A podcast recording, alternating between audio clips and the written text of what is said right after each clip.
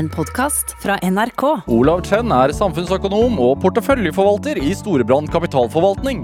Han har ansvar for flere hundre milliarder kroner og sørger bl.a. for at folks sparepenger stiger i verdi. Chen er ofte å se som markedskommentator i flere norske medier, og han skulle ønske at vi nordmenn hadde bedre forståelse av økonomi og av markedet. Dette er Drivkraft med Vegard Larsen i NRK P2. Olav Chen, varmt velkommen til Drivkraft. Takk, takk. Hvordan har du det? Har det bra. Uh, Våknet til nyheter om eh, varslet renteheving i mars. ja, det var for så vidt uh, ventet, så det burde egentlig folk forberede seg på. Ja, ok. Hvis du hadde blitt tatt på senga av den nyheten, da hadde du vært dårlig i jobben din? Det hadde vært dårlig i jobben, ja. Helt klart. Da, da hadde jeg måttet ta noen ekstra runder i forhold til analyse og potensielt uh, investeringer uh, også. Ja. Så, så, sånn sett så har du helt rett. Hva, hva vil det ha å si egentlig? Altså, hva- når, det, når det faktisk kommer en varslet nyhet om at renten skal opp i mars altså Det stiger jo ikke nå, men det skal opp i mars. Ja, så I dag så har det ikke noe betydning utover at uh, man blir enda sikrere. Og det er jo viktig for en sentralbank å være forutsigbar uh, sånn sett. Uh, og Norges Bank har jo vært det. Det var veldig mye si, usikkerhet rundt desemberhevingen. For da blusset jo det med omikron opp igjen, og da fryktet man eh, potensielle lengre nedstengninger og at de skulle utsettes eller avblåse, avblåse rentehevingen. Eller noen trodde til og med at de skulle avblåse hele rentenormaliseringen. Mm.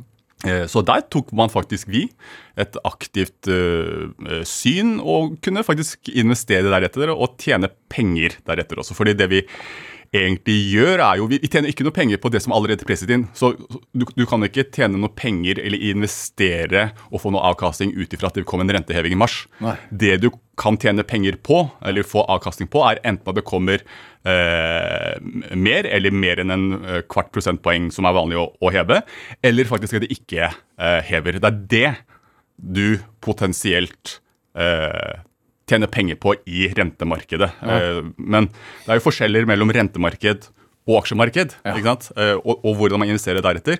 Men det som også er fascinerende, er jo Norske renter er kanskje ikke så interessant, eller for norske renteforvaltere er det det, men det som er superviktig, er den amerikanske rentesettingen. For det påvirker også verdens børser. Ja. eh, I forhold til hvor eh, innstrammende eh, pengepolitikk eller rentepolitikk eh, det er. Finansieringskostnader til bedrifter osv.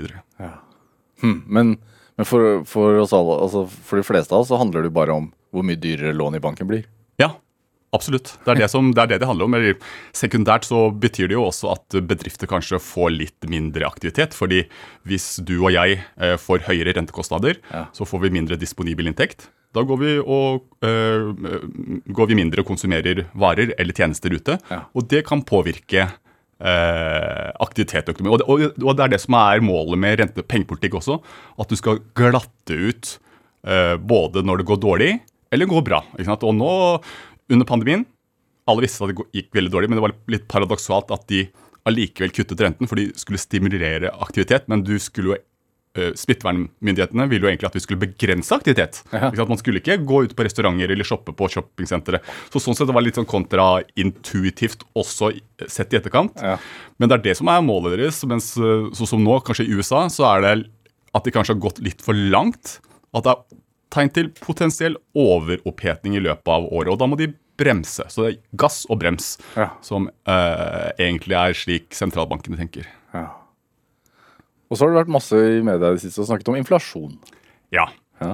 Og det er jo, inflasjon er jo ikke sant, det målet sentralbankene eh, setter renten etter. Inflasjon er jo da et, skal være et mål på om det går bra eller ikke, eller om det er hett i økonomien eller ikke. Så det er på mange måter en proxy. På om det er tegn til overopphetning. En proxy, hva er det for noe? Eh, en, eh, en Hva skal jeg si En, eh, en uh, måte å måle på. Ja. Eh, temperaturmåler Ja. er egentlig en veldig og, og faktisk så er det jo en form for temperaturmåler eh, hvorvidt en økonomi er i ferd med å gå overopphetet eller ikke. Jeg nevnte jo for deg at vi hadde en hadde en presentasjon for svenske webinar for svensker, eh, hvor det er viktig å formidle at det man ikke alltid vet, er jo at en økonomi har en begrenset kapasitet. Til å vokse. Det er ikke sånn at norsk økonomi kan vokse i himmelen. Det er begrenset i forhold til de innsatsfaktorene man har. Og for en økonom så er det ganske enkelt. En, in, uh, den viktigste innsatsfaktoren er arbeidskraft, eller arbeidsstokk. Uh, og så er det uh, tilgang til kapital og teknologi. Men eh, tommefingerregel er at arbeidsstokk utgjør den viktigste, og liksom 70 av innsatsfaktoren. Så har du begrenset med arbeidsstokk og den innsatsfaktoren, så kan du ikke vokse mer. Du kan ikke liksom vokse Norsk økonomi vil aldri bli like stor som amerikansk økonomi.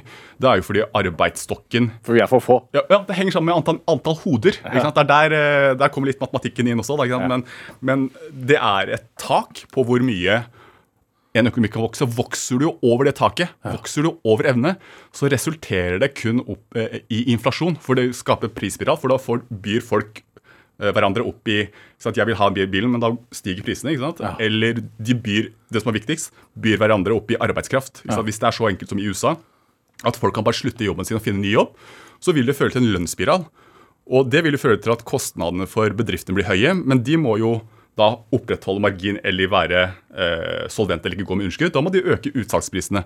Men de prisene vil jo påvirke husholdningen igjen, så du biter deg selv i halen. Så hvis inflasjonen øker, du vokser over evne, så betyr det bare at kjøpekraften reduseres Ja. fordi varene bestiger. Så det er en begrenset eh, tak, eller potensial, Ja. for hvor mye en økonomi er. Og en, igjen, for å bruke proxy, eller mål på om vi er nær der, så er det arbeidsledighet. Ja. Går arbeidsledighet mot null, som vi ser i USA skjer, det skjer i Norge også, eh, ikke null, men null er uansett ikke du kommer ikke til null, ikke sant? Eh, men hvis 2% er så nær null som mulig ikke sant? I USA har det gått fra 15 Ja. til nå 3,9 Ja. Det er et godt tegn på at du nærmer deg Toppen. det taket, eller toppen. ikke sant?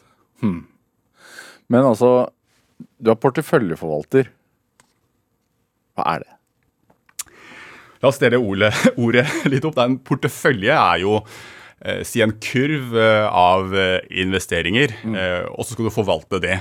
Så det, Kort fortalt så er det at du har en portefølje av investeringer. Altså, hvis man har hadde satt pensjonspengene sine da, Ja, inn i et aksjefond, ja, så er det da, er det da min portefølje stemmer. i, i Ja, de og, ja. og da har du da en porteføljeforvalter som Ja. forvalter det fondet. Ja, det er deg. Det er meg. Eh, nå, nå forvalter ikke jeg bare aksjer. Det er mange som uh, forveksler meg at jeg er så ber jeg meg om tips ikke sant? hvis du møter folk eh, på gata. eller sånt, liksom, Hvor skal jeg investere? Liksom, hvilke selskap? Men jeg plukker ikke enkeltselskaper. selskaper. Så Du har ulike typer forval- porteføljeforvaltere.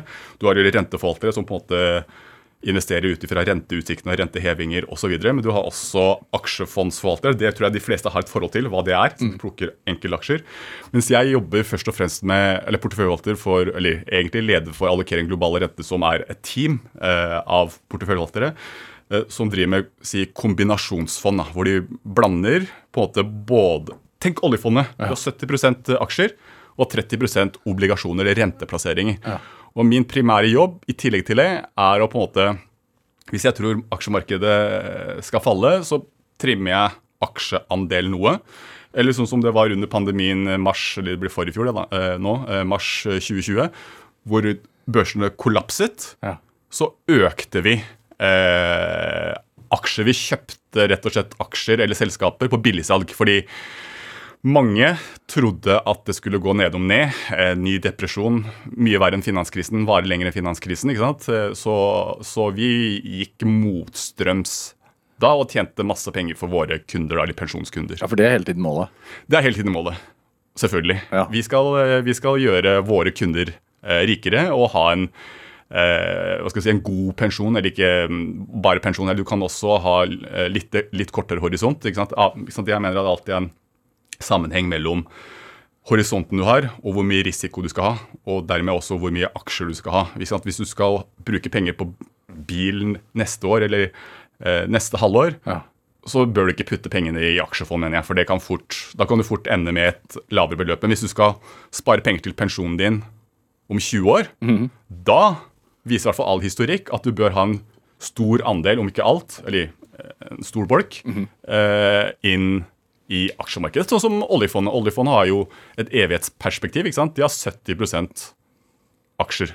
Nordmenn generelt vil jeg si er, er underinvestert i aksjer. ikke sant? For For vi har nordmenn, penga i banken. bank og bolig. Ja. Det er de to tingene. Bolig har vist seg ganske smart, da. Det er det, men på mange måter. ikke sant? Nå får vi se, da. Med de fire kjappe rentehevingene som vi får i året, og fortsettelse neste år, Ja. hvorvidt det holder seg også. Det er mange som på en måte det er noen som har litt lengre historikk eller horisont, som husker tilbake til eh, 90-tallet, hvor uh, situasjonen var litt uh, annerledes. Nå tror ikke jeg det kommer dit, men uh, selvfølgelig har det vært en gunstig For å si det sånn, alt har vært Alt av investeringer har vært gunstig.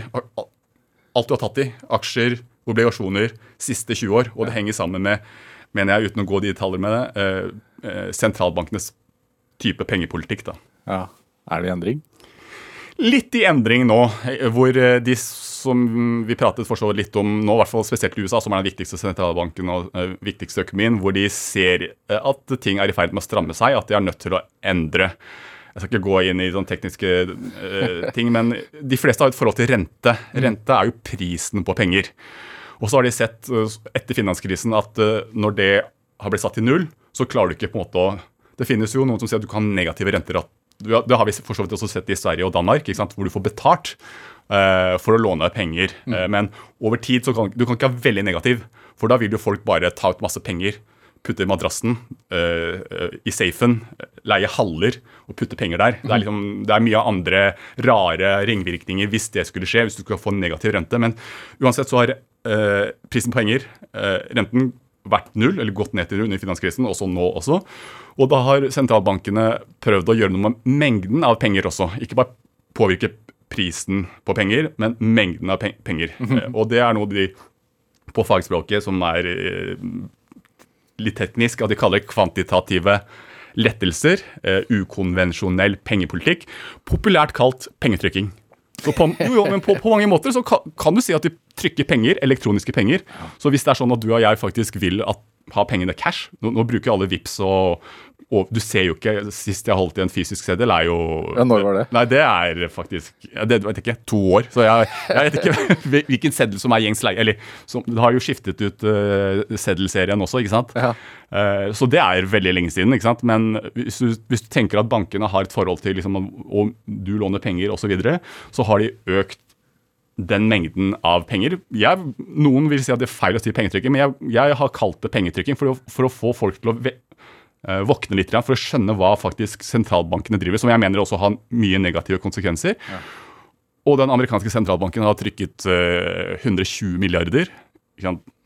Du bare nikker, men liksom, de, folk flest har ikke noe forhold til det. Nei, det men for det. meg, så, jeg, som, jeg er liksom, tallenes mann, er liksom, Ja. matematikk. har regnet, på, liksom, I beregnet norske kroner så betyr det eh, Hvor mye var det? 30, 35 milliarder norske kroner som blir trykket hver eneste måned. Og igjen, folk, har, folk flest har ikke noe forhold til det heller, men det var det regjeringskvartalet kostet. Bare for liksom, å gi en, igjen en knagg å henge på. da, Ja. Hver dag har den amerikanske sentralbanken gjort det. Og det mener jeg har ført til økende ulikhet. uten å gå i detaljer på det. Men det har gitt mange andre ringvirkninger. Og nå skal de rulle tilbake. Fra pengetrykking faktisk kanskje og pengemakulering også, hvis jeg skal bruke det litt sånn forenklede uttrykket. Ja. Det er litt sånn, Olav Chen, det er jo øh, Du jobber jo med dette her daglig. Du sitter jo og, og, og øh, ser på tall, ser på aksjer, ser på børser, sitter og regner. Mm. Koser deg. Storkoser deg med det. Hvorfor er det sånn at Folk flest Nå tar jeg alle oss øh, andre under en kam, holdt jeg på å si. Hvorfor skjønner vi ikke bæret av dette her? Det har jo noe med For det første er det min jobb, og så er det selvfølgelig litt interesse. Og så tror jeg det er mange som synes kanskje økonomi er litt vanskelig. Eh, ikke sant? Eh, mange som synes at tall er litt vanskelig også. ikke sant? Bare eh, sette seg, sette seg i tall og regnskap og sånne ting. Ja. Der er ikke jeg, da. Eller jeg, jeg liker jo tall eh, og syns det besk kan beskrive ting veldig effektivt og eh, enkelt. Men det henger sammen med Jeg tror det Retningen har under pandemien så har vi sett at stadig flere har begynt å investere. Det er fordi man en, har hatt mer tid, sitter foran hjemme, skjermen hjemme, liksom kanskje investerer litt. Og man har fått litt mer penger til overs også? Eh, fordi man ikke kan bruke penger på restauranter osv. For det, det er faktisk en internasjonal trend. Vi ser at mange amerikanere begynner begynner å spekulere også. Men Generelt så vil jeg si at det har vært litt dårlig. Jeg hadde jo aldri noe særlig økonomi på, på barneskolen eller ungdomsskolen eller videregående for den saks skyld. Eh, liksom For å Bare privatøkonomi, da. Bare liksom sette opp et budsjett, ikke sant. Mm. sånne ting tror jeg er litt sånn litt dårlig eh, Dårlig eh, i forhold til pensum, ikke sant? og hva er rente? Liksom, sånne ting. da, ikke sant? Det tror jeg er eh, litt mangelvare. I hvert fall da jeg eh, vokste opp og studerte. Hvordan kom din interesse for dette her, da? Nei, Jeg kom via matematikken, så jeg hadde ingen interesse for finans eh, eller økonomi.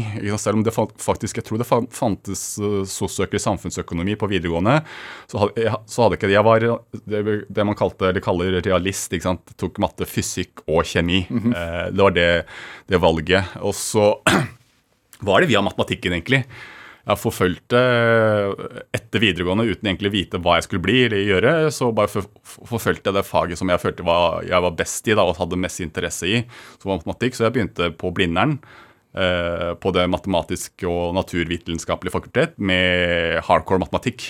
Eh, uten egentlig å vite hva jeg skulle bli, men når jeg nådde Og det er matematikk på høyt nivå. Det har jo lite ofte Ja, Altså, det, det, det er formler og, og, og, og avanserte Det er masse formler. Så, så jeg kom jo til det stadiet tok eh, Den gang som het, så heter det Canmag, da, eller bachelor i dag, da. Så, så, vurdere, så var det et sånt veivalg igjen hvor, uh, hvorvidt jeg skulle ta hovedfag i matematikk, eller master i matematikk.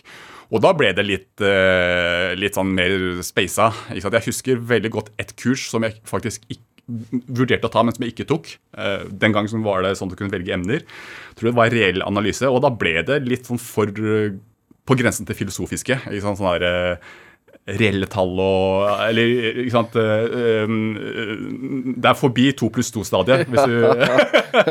og, og ta matematikk i det. Så da skjønte jo jeg etter hvert at jeg er mer en praktiker. Egentlig. Jeg syns det er nytteverdig med matematikk er som verktøykasse å kunne gjøre kalkulere, gjøre ting effektivt. da, Ja. Og få det ned på liksom, Istedenfor å Det skal ha noe med virkeligheten å gjøre. på et- virkeligheten på et- Litt sånn i, i, virkeligheten i gåstegn. Altså sånn Ja, og beskrive virkeligheten. Ja. Og sånn sett, så vi begynte å jeg begynte å ta, øh, hadde en god, god kompis som, øh, som tok noen øh, skal si, økonomi- og matematikkurs på Det matematisk-naturvitenskapelige fakultet. Ja. Eh, fikk litt mersmak på økonomi. Og så var det jeg husker ikke nøyaktig, det var sånn var veiskille sammen, han kompisen også, at vi hoppet over til, eh, til SOS-søkken. da. Og da ble det egentlig litt sånn plankekjøring, fordi da var matematikken liksom det, eh, det som skulle være bånd, mm. og tallforståelse. og Litt statistikk også, men, eh, eh, og økonometri, eh, metode. Eh, eh, men med matematikk så kom du veldig fort i det, og du kom veldig fort inn i økonomiforståelsen også. Mens jeg så jo at mange andre eh, medstudenter på mellomfaget, eh, SOSØK, samfunnsøkonomi, slet jo med på en måte, brukte altfor mye tid og slet med apparatet. da. Eh, mens vi og jeg kunne mer konsentrere oss om eh, faget samfunnsøkonomi med verktøyet i bånn. Er det Altså, øh, og, og I dag så er du jo kapitalforvalter, og der, ser du på det som en slags form for sosial økonomi? Altså sånn Ja, faktisk. Eh, sosialøkonomi Nå heter det Den gangen så heter det sosial, liksom, Hva er sosialøkonomi? Men det er jo samfunnsøkonomi. Samfunnsøkonomi, ja. heter det. Det er ombranda det, og som internasjonalt så heter det egentlig bare economics. Ja. ikke sant? Så det jeg driver med, er egentlig eh, Jeg vet ikke om du kjenner, men makroøkonomi. Det er superrelevant. Så jeg er såpass heldig at jeg kan bruke mye av det eh, som man lærte, selv om mye nok har blitt utdatert. For det har skjedd veldig mye etter finanskrisen og ikke minst pandemien, som du må faktisk skrive om lærebøkene, tror jeg. Da har ikke jeg sett om det hvorvidt jeg har gjort det eller ikke, men det har så, skjedd såpass store ting, spesielt etter finanskrisen, som, hvor antageligvis mye teori, teori og fag må skrives om. Og det er også en annen ting, sånn at samfunnsøkonomi er noe, det er ikke like eksakt vitenskap som matematikk. Det er jo litt, der, der er det forskjellige skoler og syn på ting også, og ting endrer seg ut ifra hvordan samfunnet endrer seg, faktisk. Men uansett så er makroøkonomi noe som eh, er en stor del av samfunnsøkonomi. Du kan, du kan si at samfunnsøkonomi er makro, mikro og, og økonometri. da. Det var det, det de delte inn i på LSI, som typisk bolker. Så har du mange undergrupper. Men jeg har gått den veien om makroøkonomi, mens mikroøkonomi er kanskje de som fokuserer på selskaper. Og kanskje mer fokus på si type handelshøyskoler også, for det er bedriftsanalyse som er viktig. ikke sant? Selskapsanalyse. Men er det, har du altså Det du gjør, er øh, Hvor store verdier er det du har ansvar for? Eh, som leder for allokering globale renter, så har jeg nå 280 milliarder på en under vingene. Men, men, de, men de, sant, det endrer seg. Det at børsene falt, har falt 3-4 eh, begynnelsen av betyr at uh, volumet har falt uh, noe ja. uh, deretter. Og, og, dette er folks sparepenger? Det er folks sparepenger, ja. ja. Som de har tenkt at vær så god, vi, vi stoler på dere. gjør at de, Få de til å stige. Stemmer. Ja, Og du, nå under pandemien så har jo folk hjemmekontor. Stemmer. Så du har sittet hjemme, antar jeg da, foran din dataskjerm? Og lekt. Ja, ja. Lekt. lekt jeg vil ikke si leke. Nei, da. Pa passe på. det, liksom, det er, noen ville si at det er liksom, spekulasjon, men jeg, på veien hit så tenkte jeg at egentlig det det mye vi holder på med, er risikostyring. Ja. Vi skal ikke ta, være for grådige når ting går for bra, og så skal vi gå imot når alle andre er vettskremte. Så skal vi ha is i magen og gå litt imot. Men, men, hvordan ser det ut? Altså, Du sitter og ser på en dataskjerm, Stemmer. og så ser du Hvordan ser den ut? Holdt jeg på å si? Vi har jo det som populær, eller som mange kanskje kjenner, med, med masse svart bakgrunn, med masse tall røde og grønne, som er det vi kaller Bloomberg terminal, da, som uh, han uh, tidligere Michael Bloomberg sant, har uh, blitt rik på. alle, eller alle forvaltere er avhengig av det, for da får du sanntidskurser, nyheter og alle de tingene, og til og med både chatte og handle på den plattformen. Så det er Eh, hva skal jeg si, et, eh, På samme måte som eh, vet ikke hva dere bruker, men den, det operativsystemet, så, ha, så, er det forvaltere det en, et viktig program å følge med på hva som skjer på verdens børser. Og da kan du flytte penger i, i For meg så er det mest informasjonskilde å følge med ja. på. når jeg skal handle, kjøpe, selge, så sender jeg ordrer til interne forvaltere, ja. eh, tradere kan du kalle det også, som gjør de disposisjonene kjøpere selger, eh, basert på hva jeg sender av ordre. Ja. Hvor ofte gjør man det? Oi, eh, Det er litt avhengig av uh, Godt spørsmål. Litt avhengig av um, uh, hva skal jeg si, type fond. De type fondene vi har, handler i utgangspunktet hver dag, for det kommer jo uh, penger inn og ut. Dvs. Si noen uh, tegner de fondene som vi har, mm. eller noen innløser fordi de enten ikke har tro eller vil ha pengene nå. ikke sant? Da må vi, eller bli pensjonister. Da, eller bli pensjonister, ja. faktisk, og ta ut penger. Da må du handle. Men det er ofte små beløp som man justerer. men jeg vil si av store, betydningsfulle som på en måte gjør at uh, jeg fortjener lønna liksom, som er meg, det er liksom setter farge på forvaltningen, ja. og, som er det teamet vårt gjør, og ikke hvem som helst eller en maskin kan gjøre. Så, så, handler vi jeg vil si vi handler fire, fem, kanskje seks store bevegelser i løpet av et år. Så det er ikke mer enn det. Nei. men vi uh, overvåker markedet kontinuerlig. Så jeg vet jo liksom jeg har jo også denne Bloomberg på, uh, på, på skjermen. Jeg vet hele tiden hva som skjer. Og du har plassert investeringer. Så vi følger med kontinuerlig. Så vi tar indirekte eller direkte beslutninger hver eneste uke. Eller hver eneste dag også. Men jeg vil si store, betydningsfulle investeringer. I løpet av et år så gjør vi fire, fem, seks, kanskje sju store omallokering. I hvert fall i den rollen som jeg har ansvaret for. Så finnes det aksjefondforvaltere som er kanskje mye mer aktive og ja. gjør det hver eneste dag. Men der er det litt avhengig av hvem du prater med, hvilken stil de har, og hva slags type fond de har. Men føler du på ansvaret? Absolutt. Men du, Absolutt. blir du altså, du, Før du skal gjøre en sånn stor handel, da.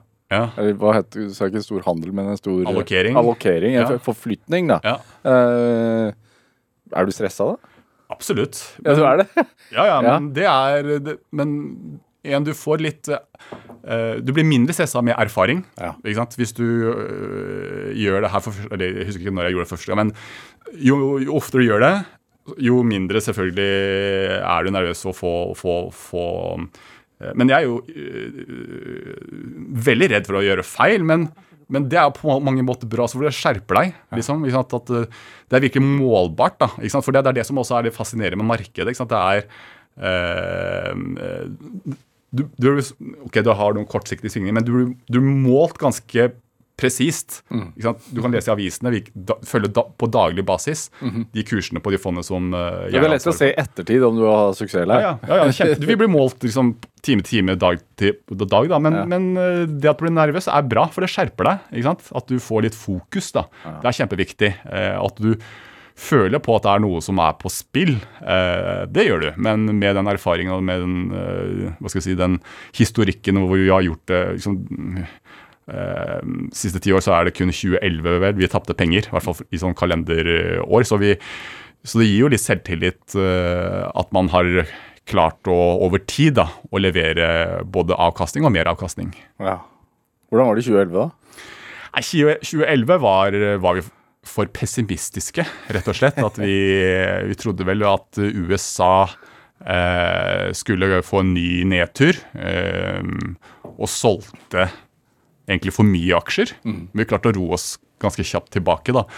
Men da, uten å skylde på andre enn deg selv. Vi, vi er jo på avhengig av analyse fra andre, fra andre motparter som kaller banker. ikke sant? Eh, og vi betaler et, for, for et analysehus også. Det var et analysehus som rådga oss til å på en måte gjøre det, men som ikke er med oss lenger nå. Eller sånn som vi bruker da, liksom, vi bruker penger på.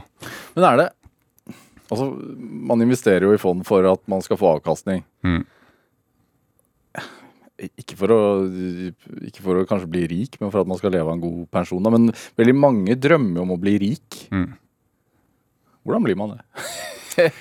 Jeg mener at ikke det er en uh, enkel oppskrift. Så for meg, så hver gang folk spør liksom, hva skal de investere osv., så, videre, så, så er, er jeg, har jeg sånn veldig kjedelig svar. Det ene er liksom, uh, hva er horisonten din? Og hva er din risikoevne? Og liksom, det er to useparerbare størrelser. Og hvor mye penger har du fra før? Ja, ikke sant? Hvor mye som du kan er villig til også å eventuelt eh, tape. ikke sant? Ja. Det er, og der er folk forskjellige, så du må kjenne deg selv. Det er noen som er villig til å tape med samme sinn, da, sant? mens andre er, blir virkelig irritert på seg selv hvis de har tapt et beløp. Så der må du bare lære deg å kjenne faktisk, og prøve å finne den balansen. da. Ja. Veldig kjedelig svar, men, liksom det, men samtidig så er det også en sammenheng mellom risiko eh, man tar, og tidshorisont. fordi jo jo lengre horisont man har, jo mer risiko kan man egentlig ta. Og da har i hvert fall historisk sett vist at eh, aksjemarkedet gir bedre avkastning enn en, eh, enn, eh, bank. Men det som er faktisk det å investere i avkastning er ikke, er ikke bare for å bli rik. Det er også å oppbevare, oppbevare kjøpekraften. For det er et eksempel, godt eksempel som jeg har, det er liksom kroneis. ikke sant, Har alle et forhold til. Det kostet én krone, det. På 70 Jeg husker ikke hva det var. Så det har vært en inflasjon. Så det at du bare putter pengene i banken, gjør at du faktisk får redusert kjøpekraft. Så du må ha et aktivt sitt uansett, bare det for å opprettholde kjøpekraften din. Så det er liksom ikke det er ikke, det er ikke bare det at du skal få mer og, Men du må heller ikke tape kjøpekraft. Og det er eh, Jeg hadde faktisk Jeg så på Vet du hvor mye en don, et Donald-blad koster i dag? Nei, men sikkert jeg vet, um, Tippe, skal jeg tippe? Ja. 79 kroner. Ikke langt unna. 83 eller annet. Jeg ble sjokkert uh, i jula da jeg fant fram Fordi det er jo helt uh, hinsides i forhold til de uh, Når jeg kjøpte Donald-blad. Ja. sant? Og det er jo Hva det kosta det da? 13? Nei. Ja, noe sånt noe. Ja. Jeg tror jeg var kjøpte under titallet òg, ja, hvis jeg husker riktig. Du skjønner? Så Hvis du hadde puttet pengene i banken, hatt penger, kun pengene i banken, så ville du ikke hatt råd til å kjøpe like mange Donald-blader. Du har tapt kjøpekraft. Og Det er- det som er veldig interessant med, med inflasjon, ikke sant? og det vi pratet innledningsvis, på det med å oppre, opprettholde kjøpekraft. Hva, hva egentlig er inflasjon, og hvorfor må sentralbankene gjøre de tingene som de gjør? da? Olav Chen, vi skal spille litt musikk. Um, har med en låt som heter Upside Down. Hva, hvorfor det? Egentlig veldig tilfeldig. Jeg brukte faktisk uproporsjonalt mye tid på å prøve å finne en uh, låt, men det var bare en låt som tilfeldigvis uh, hørte, som uh, en ifra til hjemmekontor og nå som det er vinter og mørketid, drømte meg litt bort til varmere strøk. Og er, eh, Jack Johnson er typisk eh, en artist jeg hører på liksom, når det er sommer og når det er varmt. da. Eh, og da syns jeg bare den var eh, fengende. Jeg har vel for så vidt en tekst som kan vise at du kan være litt kontrær også, eller gå liksom mot uh, f.eks. Kons konsensus, men egentlig veldig tilfeldig. Bare som gir meg en god, god feeling, eller god vibe. Er det viktig det? Å være, våge å være kontrær for å få avkastning? i min jobb så er det hele jobben. La oss høre.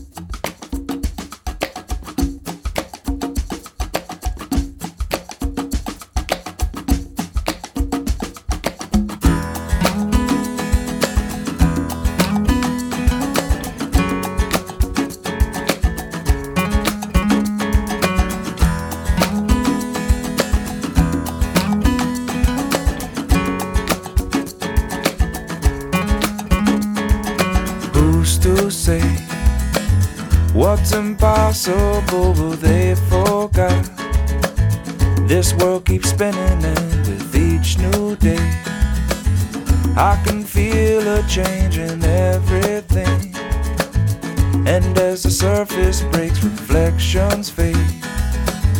But in some ways, they remain the same.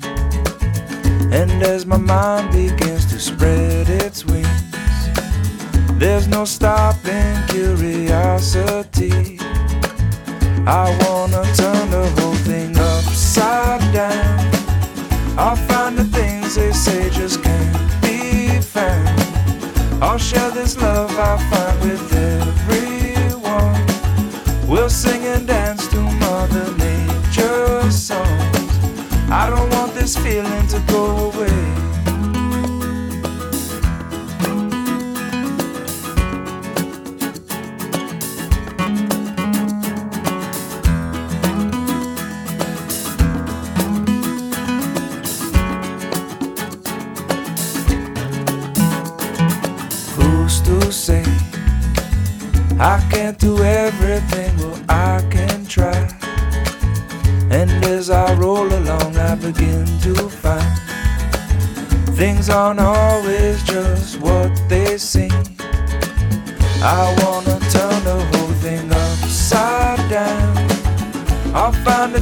They say just can't be found.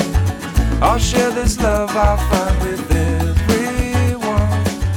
We'll sing and dance Ja, Du fikk uh, låta 'Upside Down' av Jack Johnson her i Drivkraft på NRK P2. Valgt av dagens gjest her i Drivkraft, nemlig kapitalforvalter, eller porteføljeforvalter i Storebrand, Olav Chen.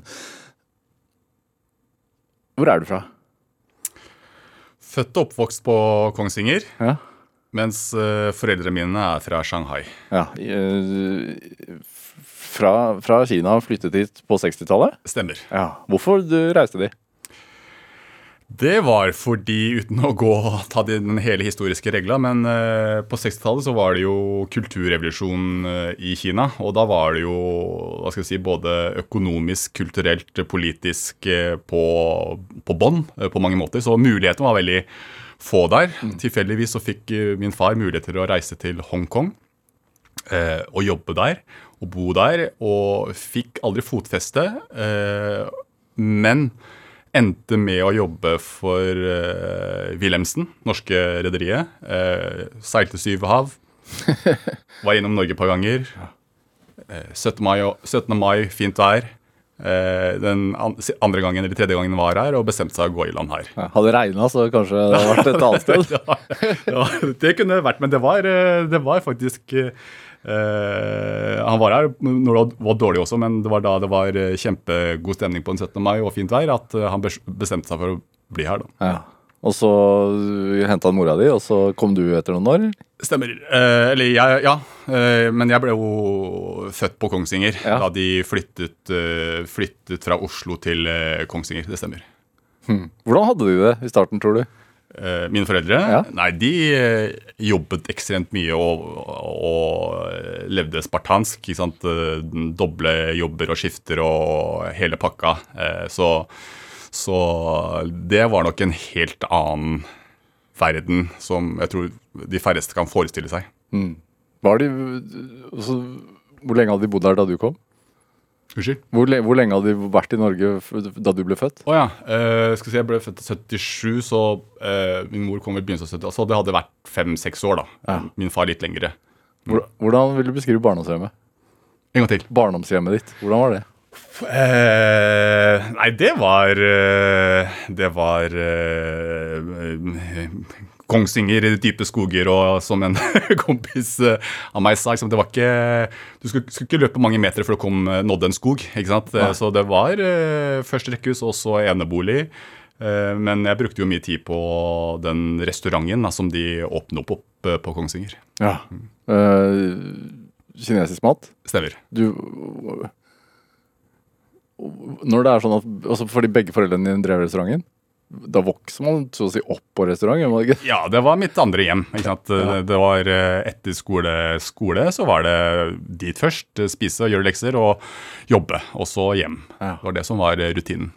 Hvordan, hvordan er det å vokse opp i en familierestaurant? Nei, jeg syns det er, gjør at man blir ganske sammensveiset. For det blir jo en familiebedrift, da. Ja. Men det har jo sine fordeler og ulemper. Jeg var jo på mange måter sånn standby-arbeidskraft hele tiden. Det er ikke alltid at det er full trykk på restauranten eller utelivet på Kongsvinger på den tiden der. Så eh, fleksibel, men eh, det gjorde at vi ble nok ganske sammensveiset, tenker jeg. Og liksom hadde felles forståelse for mål, liksom, hvor viktig det var, da, siden det var både eh, eh, jobbene til mor og far, men hvordan det hang sammen. Det, det, det var viktig.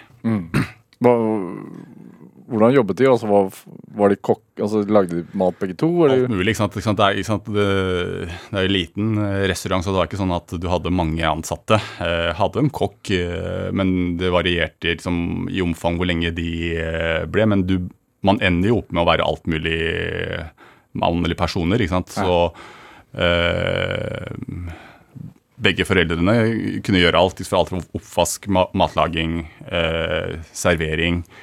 Må ikke huske, hu- eh, glemme liksom eh, eh, økonomi og planlegging bak heller. Det er også en del av på en måte logistikken i hverdagen. ikke sant? Mm. Mm. Hva var spesialiteten, da? Eh, av matretter? Nei, Det er jo en standard eh, nummer 20 som var biff chops hvit, tror jeg. Eller nummer 18 biff med mammeskudd. Jeg husker jo fortsatt alle de rettene nesten eller menyen. Ja. Hvor lei ble du den etter hvert? Veldig, veldig lei, men akkurat nå, nå fant, det er ikke så lenge siden jeg fant frem en eh, gammelt eksemplar av menyen. Det gir jo litt sånn uh, flashbacks tilbake til den tiden også. Er det en forventning om at man skal jobbe i bedriften? Ja, jeg vil si det. Sant? Det var øh, Det var ikke Det var ikke det var liksom, Du skulle bidra. Eh, Det var liksom underforstått helt fra starten av. Ja. Eh, Så det har øh, Man blir si, tidlig voksen sånn sett. da? Å ta ansvar og vite liksom hvordan ting henger sammen. da. Hvordan da? Nei, at eh, Du skjønner jo liksom at uh, hvis det går uh, dårlig over lengre perioder eller ikke, eller omsetningen er dårlig, så uh? Som servitør så merker du det veldig direkte på tipsen eller triksen? Eh, for det er en del av på en måte avlønningen. Eh, men du, du skjønner jo fort eh, at ting koster å opprettholde og sånne ting. Men du, det som er liksom mange som driver med denne bransjen, er det er mye sånn standby. da, ikke sant? Du, ikke sant? Du, det kan være perioder hvor det ikke er mye aktivitet, og så er det perioder hvor det er veldig mye aktivitet eller, stress. da. Så du, det går litt i rykk og napp. Mm. Sånn. Mm. Sånn. Hvordan merket du ellers at eh, at du Altså at foreldrene dine var fra Kina? Altså Merker du, du, du Alle ser jo, ser jo det, ikke sant? Du merker jo det, men språket er jo også eh, selvfølgelig en faktor Ja. som gjør at eh, man er annerledes, eller ser at man er annerledes. Og så er det selvfølgelig sånn kulturelt også. Ja. Hva, hva snakket uh, kinesisk hjemme? Eller mandarin, hva snakket dere Ja. Shanghai. Shanghai. Shanghai-dialekten. Så jeg prater ikke, jeg kan ikke mandarin, men Shanghai-dialekten kan jeg faktisk prate litt. Mm. Hvordan var, Hva lærte du hjemme, da? Arbeidsmoral? Arbeidsmoral var helt klart viktig. Ikke sant? Skulle jobbe hardt. Det var liksom aldri, Og det har liksom farget egentlig hele oppveksten og utdanning og alt. ikke sant? At du, det var ikke noe man, man får ikke noe gratis. ikke sant? Og, og det er eh, en sammenheng mellom innsats og resultater. Ja. Det er kjempeviktig. Hva, hvem var det som sa det? Begge to? Ja, begge to. Liksom at øh, At uh, hvis noen bruker øh, ti timer på lekser, skal du bruke tolv. Du skal bli liksom, sånn, Det er liksom mengde, mengdetrening. Ha. Press, da. Ja, press. Det kan du si. Ja. Hva, er det derfor du også har blitt også så opptatt av uh, tid og effektivitet, tror du? Ja, faktisk. eh, Fordi det var ikke sant? Jeg husker at jeg måtte gjøre lekser mens jeg jobbet. ikke sant? Og jeg tror faktisk den perioden har gjort at jeg må være veldig effektiv ikke sant? på alle fronter hvis Ja. jeg skal få tid til alt. Hvordan gjorde du, altså hva, hva, hva jobbet du da? Altså hvordan Nei, da var det jo det kan, Jeg gikk jo alle gradene, ikke sant? fra potetskreller til oppvasken til kjøkkentjeneste til, eh, til servitør til økonomiansvarlig. ikke sant? Så, men eh, men eh, så sagt, det er jo litt dødtid også, og da, du, da løser du noen matteoppgaver i mellomtiden. Ja. Så, å få det unnagjort, slik at jeg får tid til eh, alt annet. eh? Være sosial og spille fotball og sånne ting eh, eh, på den tiden også, på Kongsvinger. Så du satte opp et skjema fra ganske tidlig? Ja? Nei, jeg, satt, jeg var nok ikke så strukturert i forhold til at jeg satte opp skjema, men jeg visste jo liksom hva du måtte gjennom av f.eks. lekser og sånne ting. Mm. Men det fikk liksom fikk meg til å være effektiv, tror jeg, som på en måte har vært gjennom hele liksom, Litt i forhold til jobben i dag også. Liksom, fokusere på de riktige eh, viktige tingene. da? Du kan fokusere på et hav av ting når vi investerer, men eh, jeg tror på måte du, både når du også er effektiv, så klarer du på en måte å skille ut hva som det er riktig å fokusere på. Hva som virkelig er det som teller i en beslutning av noe slag. da. Det tror jeg liksom har nok fått uh, med uh, gjennom hele veien. da. Ja, men er Og, og matematikken er jo en perfekt verktøy til, til det her. Sant? For da får du på en måte kategorisert uh, ting og effektivisert lite grann. Da, da vet du liksom at du har de og de minuttene eller de og de eh, Jeg tror matematikken har bidratt til å hva skal jeg si, få meg å tidsoptimere da, Ja. ulike ting. men hvordan arter det seg i hverdagen? Nei, Jeg har, har jo referert i en artikkel? Jeg bruker faktisk litt mye på liksom, å tidsoppdatering på mye logistikk. da. Nå har Ja. jo ikke det nødvendigvis vært det, det største problemet under pandemien. Men, eh, men eh, det er jo for å gjøre mest mulig ut av en eh, dag. Da kan det liksom alt fra liksom hvordan transportmiddel og liksom hvordan ting forholder seg. Men nå har jo pandemien egentlig snudd litt opp ned på enkelte ting. da. Man kjører webinarer istedenfor kundeprestasjoner fysisk. da. Så, eh, men du kan selvfølgelig også se i analyser hva er det som faktisk teller. Hva er det eh, som gjør at eh, si bedriftene kommer til å levere lavere inntjening? Jo, det er som jeg nevnte, det er lønnskostnaden. Fordi du vet at lønnskostnaden er eh, såpass stor del av bedriftene. Og det kan du på en måte gjøre i en tallverden, ikke sant? istedenfor å både synse mye om de ulike faktorene. Det er det som er fascinerende i markedet også, at det er summen av egentlig all informasjon. Eh, men da må du klare oss Mye av den jobben jeg har, er egentlig å sile informasjon og hva som er viktig, og bruke den informasjonen som er viktig, til beslutninger. ikke sant? Og på en måte slå ned, for å bruke ikke sant, som realist, da, sant, fysikk, og slå ned de, til de minste byggesteinene. Liksom, hva er det som er viktig? Eh, eller hva, hvordan verden er bygd opp. da. Hva er det som teller?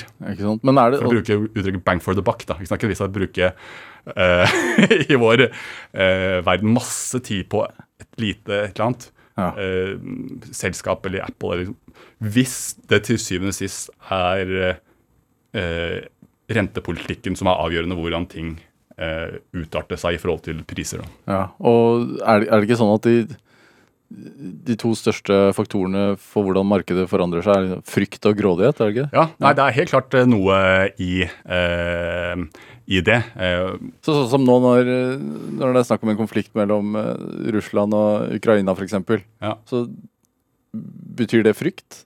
Ja, frykt og ikke minst usikkerhet. Og de, de to tingene henger litt sammen. da, ikke sant? Fordi det markedet liker det f- forutsigbarhet når det gjelder rentehevinger. ikke sant? Liksom at du får fastbane. Det man ikke, hvis du skal gjøre en investering, du, det du ikke liker, er at det er masse løse elementer. eller Du vil gjerne vite hva som vil skje. Og da vil sånn det vi kaller geopolitikk helt klart ø, påvirkende. og er faktisk veldig fascinert. Jeg sitter i et utvalg nå for eh, Finansdepartementet og oljefondet, hvor geopolitikk er jo på en måte en av de viktigste, viktigste tingene vi skal se på. Hvordan det skal håndteres. ikke sant? Til i dag så er det det med renter og lønn og eh, sånn, skatt og sånne ting. Det har vi sett før, det kan du gjøre, men det som det helt klart er en tendens i, er eh, økende grav av geopolitisk risiko. Ja. Hvordan skal da oljefondet faktisk manøvrere seg i den settingen, ikke sant, eh, det er kjempespennende. Og det er et eh, Det utvalget skal jobbe eh, ni måneder til, da, så, så får vi se hva vi ender opp på, på av eh, konklusjoner. Hva er det som er så gøy med å drive og flytte penger hit og dit for at det skal liksom stige i verdi? Det er jo et, helt klart et konkurranseelement her. ikke sant? Fordi eh, ref eh, frykt og grådighet. Men bare ta eh, når jeg skal handle, da, eller eh, kjøpe-selge. Når jeg skal kjøpe aksjer, så betyr det samtidig at en annen investor skal selge aksjer. Ja. Og vedkommende, vil, vedkommende tror egentlig det motsatte av meg. ikke sant? Fordi ved, hvis vedkommende selger aksjer, så betyr det egentlig Han har ikke troa Nei, lenger. han har ikke troa lenger. Han- Han, mens han- jeg tror, ja, for Ellers så blir det ikke en transaksjon. sant? Det er det som er fascinerende. Og det er det tusen eller millioner av i børsene. At- de matcher kjøpere og selgere. Hele tiden, ja. Og, hele tiden. Og det prisen er da det som klarerer på en måte det, det kjøpet. Hvis det ikke er kjøper eller uh, selger, så vil du ikke få en transaksjon. Men du får jo masse transaksjoner hele tiden. Og det er jo veldig fascinerende. Så det, det betyr jo at den jeg kjøper fra, har et annet syn enn meg. En tar en har rett, en har Ja, ja, og, og det, men det kommer jo litt an på horisonten. da? Men De fleste har ganske lik horisont. Sånn, du kan i hvert fall måle på årlig vis. Og det er jo egentlig, Så jeg har jo sagt hele tiden at min jobb er jo eh, faktisk jeg konkurrerer Fordi jeg kjøper og selger aksjer for de som sitter i New York, Shanghai, London. eh? Wall Street-folk som eh, eh, har mer kapasitet, men som kan ha et annet syn enn meg. Fordi det jeg skal gjøre, kon konkurranseinstinktet, er jo faktisk å slå de, på mange måter. Eller de aksjene som vedkommende selger, tror jeg stiger, mens han kanskje tror, eller hun, tror det skal falle. da. Det syns jeg er ganske fascinerende, ikke sant? Og, og, og er jo en drivkraft i forhold til eh, Fra et konkurranseståsted, da, Ja. som er på en måte jobben. ikke sant? Og eh, håpe at de analysene som jeg gjør, Ja. til syvende og sist er mer riktig enn de andre. Er det viktigere enn enn det å bli rik selv, på et vis? Fordi du kunne jo investert uh, dine egne penger, men det gjør du kanskje også, det vet jeg ikke. Men, men også sånn Er, er den derre psykologiske kampen Ja.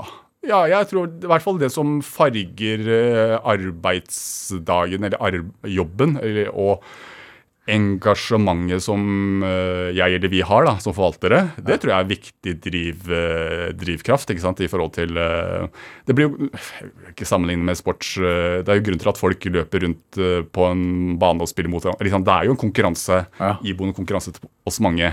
Eh, oss mange. Så jeg tror det er faktisk en, en drivkraft da, som gjør at det, som i hvert fall er morsom å gjøre deg engasjert. ja. eller, som, eller som mange i ditt miljø kanskje gjør, da, holder på med Strava. Ja, ja det, er det.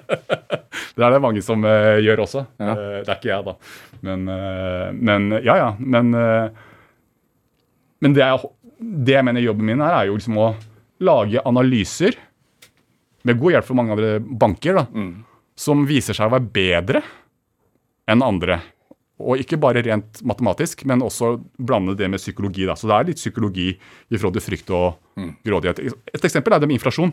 Det var mange som trodde at denne inflasjonen skulle falle kjapt tilbake. Eh, Det har man sagt i nesten ett år nå. Mens vi har vel vært det vi kaller posisjonert porteføljen vår for at rentene vil stige. Og det, har det, det, det er de i ferd med å gjøre nå. Da. Og det er en det vil jeg si er en sånn tilfredsstillelse når det skjer. Eh, at liksom til syvende og sist så endte på en måte den analysen som du hadde, eh, til å utfolde seg. Det, det gir en kjempetilfredsstillelse. Men Men det var det under pandemien også. ikke sant? Fordi jeg fikk jo, Du får jo massiv kritikk i forhold til valget av Upside Down, å være, kontra, være kontrær. da. Jeg fikk jo massiv kritikk fra både eh, menings- eller kollegium, eller mm, til og med kunder syntes at vi var eh, hasardiøse med å kjøpe mars eh, 2020, da det virkelig blåste, da jeg satt hjemme på hjemmekon lille hjemmekontoret mitt med en laptop og flytta penger. Ja. Men da må du stå i det. Og har liksom sett, for jeg har jo vært ganske lenge i bransjen, så det under finanskrisen også. Eh, og, og, og tørre det. Fordi mange som bare rir med konsensus, kan du si.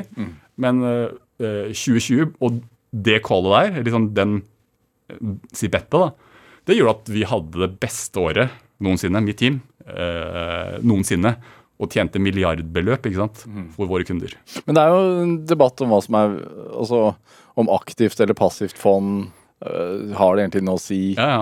Uh, du er selvfølgelig pro aktivfond, tenker jeg da. Ja, ja, nei, veldig, ja, ja, nei, veldig, veldig, godt, veldig godt spørsmål. Jeg tror, men der er litt sånn semantikk og nyanser også. Jeg tror jo i hvert fall på sånn aksjeplukking så er det, det er nok et sånn nullsumspill. Men min enkle inngang der er at jeg tror at det er forskjell på Det finnes forvaltere som er flinkere enn andre forvaltere. Mm. Så det er noen som er smartere og bedre, som over tid har tjent mer penger enn andre. Og så er det noen som har over tid også tapt eh, eller gjort det dårlig. da. Så det er sånn sett et nullsumspill. Eh, Men jeg mener allikevel at du må ha på en måte Du kan ikke bare la fordi hvis du driver med passiv, da, det er bare å investere penger eh, uten på en måte bare Sånn ser det ut i dag. Du bare kaster du, du, har- du har ikke noe du har ikke noen form for risikostyring der i det hele tatt. Eh, Så det, det at man i det hele tatt eh, har en hva skal jeg si, forhold til det her, tror jeg er kjempeviktig. Det er for så vidt noe vi, vi ser litt i det oljefondutvalget også. Det går litt Jeg tror ikke vi rekker faktisk eh, så mye på For det er, det er litt sånn religion der også, om du tror eller ikke. Eh, Men, eh, men, men selvfølgelig, akademia viser jo at det er veldig vanskelig å drive med aktiv forvaltning. Du er, altså, som gjest i studio så er du en av de eneste som jeg har hatt her som har faktisk sittet og sett på klokken aktivt. Sånn. Er? Er, du, er du veldig opptatt av tid? Jeg er litt opptatt av, av tid. Tid er penger, som det heter? Ja, tid er penger, men jeg vil jo gjerne optimere. ikke sant? Vi har jo et begrenset antall minutter. Eh, Jeg har selvfølgelig i, i forkant tenkt litt på liksom, om det er noe liksom, ting, så jeg vil jo vite om det er noe vi kanskje ikke Eller, Ja. eller sånne ting. da, Så jeg vil jeg vite eh, har en forutsigbarhet på hva som uh, vil skje de neste fem minuttene. Så det ikke blir en veldig brå slutt ikke sant, i forhold til uh, hva vi prater om. Men er du, altså sånn, da, da du sto i, i oppvasken på, på kjøkkenet på, i restauranten Hæ? til moren og faren din, var, var det dette her du drømte om å drive med? Nei, ikke det hele tatt. Det, det var ikke noe selv når jeg studerte på Blindern og slet i benkene der eh, de tre første årene på matematikken, så var jo ikke det Jeg har jeg har, For å være helt ærlig så har jeg aldri egentlig lagt noe sånn her eh, sånn karriereplan eller sånn langsiktig plan. Liksom, det eneste jeg har liksom lagt, det er liksom å gjøre det beste der du er, der, der du er hele tiden. Og så vil på en måte mulighetene åpne seg, da, ikke sant? og ikke overtenke liksom, eller legge en sånn klar plan på hvor du skal. Så jeg liksom, Nei, absolutt ikke. Så det er liksom, eh, selv etter eh, London-studiene så var jeg ikke eh, klar over det her. Jeg vurderte jo doktorgrad i økonomi også. ikke sant? Ja. Men jeg, som sagt, jeg er mer en praktiker enn teoretiker. Eller jeg er jo en teoretiker også, men jeg har lyst til å bruke ting, ting kunnskapen, eh, i, mer praktisk. Og da begynte jeg som trainee sant, i, i Storebrand, eh, og fikk på en måte muligheten til å liksom, eh, prøve litt forskjellig. Men det en, jeg endte jo opp i den faglige gaten allikevel. da. Og så er du jo relativt ofte i media og prater om dette her. Mm. Eh, om markedet, om svingninger, om inflasjon, om rentehevninger. Hva, hva får du igjen for det? Det er jo en del av jobben å formidle det markedssynet. Og forskjellen fra meg og andre er jo at det, det finnes jo igjen Markedet er kjempespennende i forhold til at du, du legger en innsats bak, eller du kan skalere hvor mye hvor stort beløp du har. Men det finnes jo nok av si, synsere, økonomer, ikke sant, som ikke nødvendigvis eh, kjenner det på, på kroppen om du tar feil eller ikke. Så sånn sett, så vi gjør jo de tingene her også. Så det er jo på en måte en sånn formidlingskanal også, for å få folk eh, mer bevisst rundt eh, sparing og økonomi. Eh, formidle det, og, og sant, den rollen som jeg har i Storebrand, da, langsiktige penger.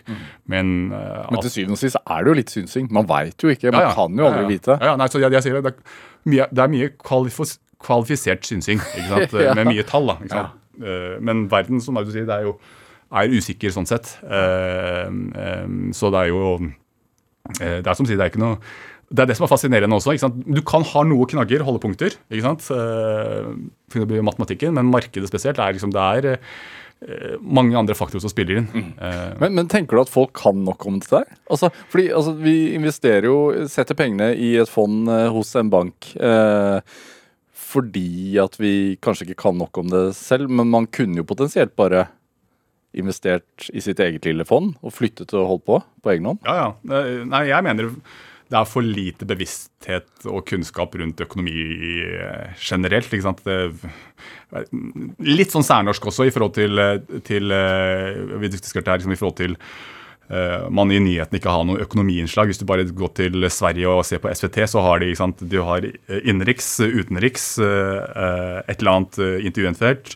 Og så har du sport og vær i Norge. Mens i Sverige og utlandet så har du alltid, eller ofte, økonomiinnslag før sporten. Mm. Sporten er jo viktigere tydeligvis enn økonomi. Bare det med renteheving sånne ting bør jo være en sånn fast innslag. Da, hvordan har børsene gått, eller hvordan valutaen gått. Strømprisen er folk veldig opptatt av nå. Ja. Oljeprisen er jo kjempeviktig.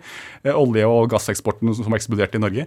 Så sånne ting syns jeg på en måte det er fortsatt uh, mulig å strekke seg litt uh, etter. Da, bevisstheten rundt uh, Det er tross alt viktig ja. del. Uh, Istedenfor å prate ut og gjennom en uh, tennisspiller uh, i Australia eller sånt noe, så mener jeg rentehevinger kanskje er viktigere for folk flest uh, i hverdagen. Ja, kanskje vi har hatt det for godt for lenge? Det det, har, det kan nok ha litt sammenheng med det. ikke sant?